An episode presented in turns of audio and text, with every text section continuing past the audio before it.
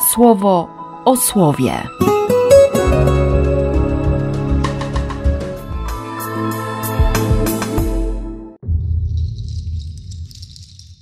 Dwudziesty piąty stycznia, wtorek.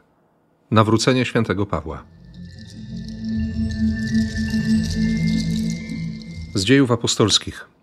Paweł, nadal przepełniony rządzą mordu i siania postrachu wśród uczniów pańskich, poszedł do arcykapłana i poprosił o listy od niego do synagog w Damaszku, aby mieć prawo, jeśli znajdzie tam jakichś związanych z tą drogą, mężczyzn czy kobiety, poprowadzić ich w kajdanach do Jeruzalem. W czasie drogi, gdy był już blisko Damaszku, nagle rozbłysnęło wokół niego światło z nieba. Padł na ziemię i usłyszał głos, który mówił do niego: Szawle, szawle, dlaczego mnie prześladujesz? Odrzekł: Kim jesteś, panie? A tamten: Ja jestem Jezus, którego ty prześladujesz. Podnieś się jednak i wejdź do tego miasta. Tam ci powiedzą, co masz robić.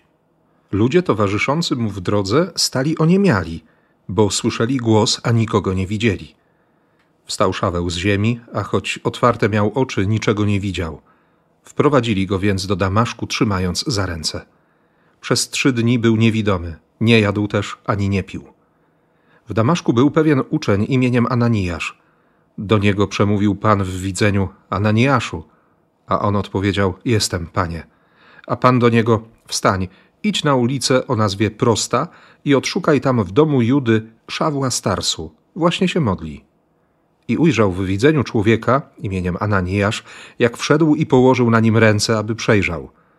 Ananiasz odpowiedział: Panie, słyszałem od wielu o tym człowieku, że dużo zła zrobił Twoim świętym w Jeruzalem i ma od arcykapłanów upoważnienie do zakucia w kajdany wszystkich wzywających Twojego imienia.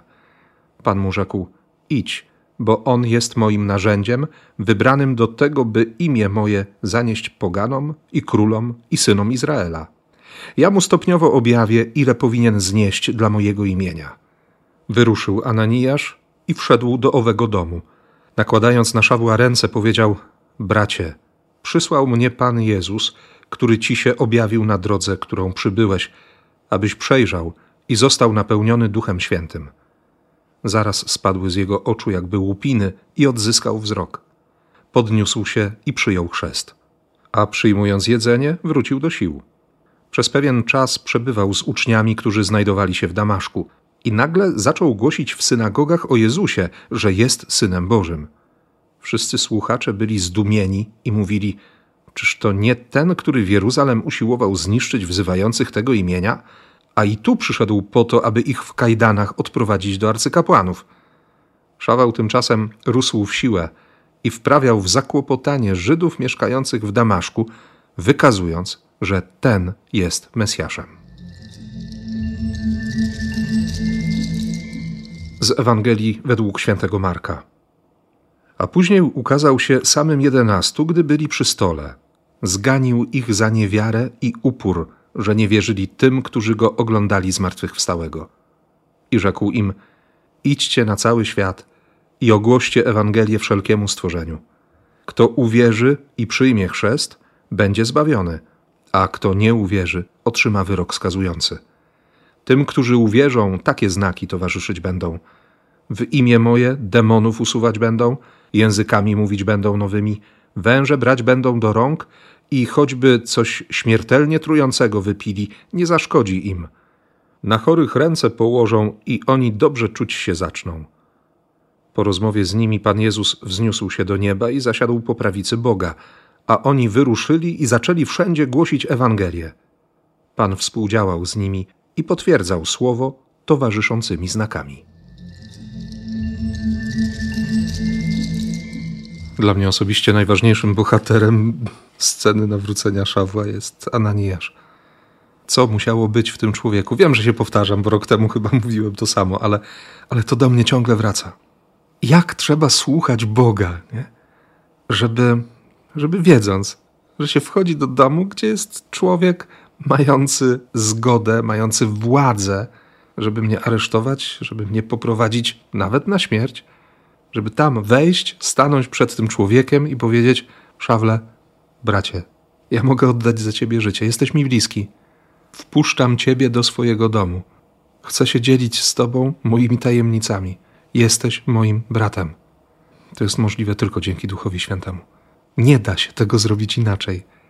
Po prostu się nie da. Idź, bo On jest moim narzędziem, wybranym. Stopniowo mu objawię, ile powinien znieść dla mojego imienia. A zaniesie moje imię poganom, królom, synom Izraela wszędzie, wszystkim, na wszelki możliwy sposób. Szaweł musiał usłyszeć od Kościoła, że, że jest bratem, że należy do rodziny. Wtedy łupiny czy łuski spadły z jego oczu. Wtedy zaczął widzieć, jak ważny jest Kościół, jak ważni jesteśmy, jaką mamy godność, jaką mamy zdolność, jak bardzo Bóg nam ufa. Nie? I Szaweł zaczął wprawiać w zakłopotanie Żydów, bo, bo wykazywał, że ten, tak, Jezus, jest Mesjaszem. Ten Jezus, który ukazywał się zaraz po swoim zmartwychwstaniu, ten Jezus, który przyszedł do jedenastu siedzących przy stole. Wcześniej w jedenastym wersecie napisano nie uwierzyli. W trzynastym nie uwierzyli. No więc przychodzi w czternastym wersecie szesnastego rozdziału Ewangelii Marka i ich zganił za niewiarę i za upór, za serce z kamienia i za kurczowe trzymanie się własnej wersji wydarzeń. A potem mówi: To idźcie, idźcie i ogłoście Ewangelię. Będą znaki, usuwanie demonów, powrót do tego, co jest prawdą, szansa na odkłamanie tego wszystkiego, co diabeł wsączył w serca, nowe języki, bo można będzie kochać. Nie? Można się będzie odezwać w dzień pięćdziesiątnicy i mówić po łacinie, językiem okupanta. Da się dawać życie za innych. Nie będzie zgody ani konieczności, jeśli w ogóle by taka była, żeby posługiwać się jakimś podstępem. Nie? Tylko te wszystkie kłamstwa można będzie wziąć do rąk i, i zrobić z nimi porządek. Jakakolwiek trucizna, nic nie będzie mieć władzy. I słowo będzie uzdrawiać. Ewangelia będzie lekiem na całe zło. No tak. Słowo Chrystusa będzie dźwigać, będzie podnosić, będzie zmieniać perspektywę, będzie poszerzać horyzonty, będzie siłą, będzie pokarmem, będzie światłem dla Kościoła. Mamy takiego Boga, który dotrzymuje słowa. Obyśmy się dzisiaj też o tym przekonali.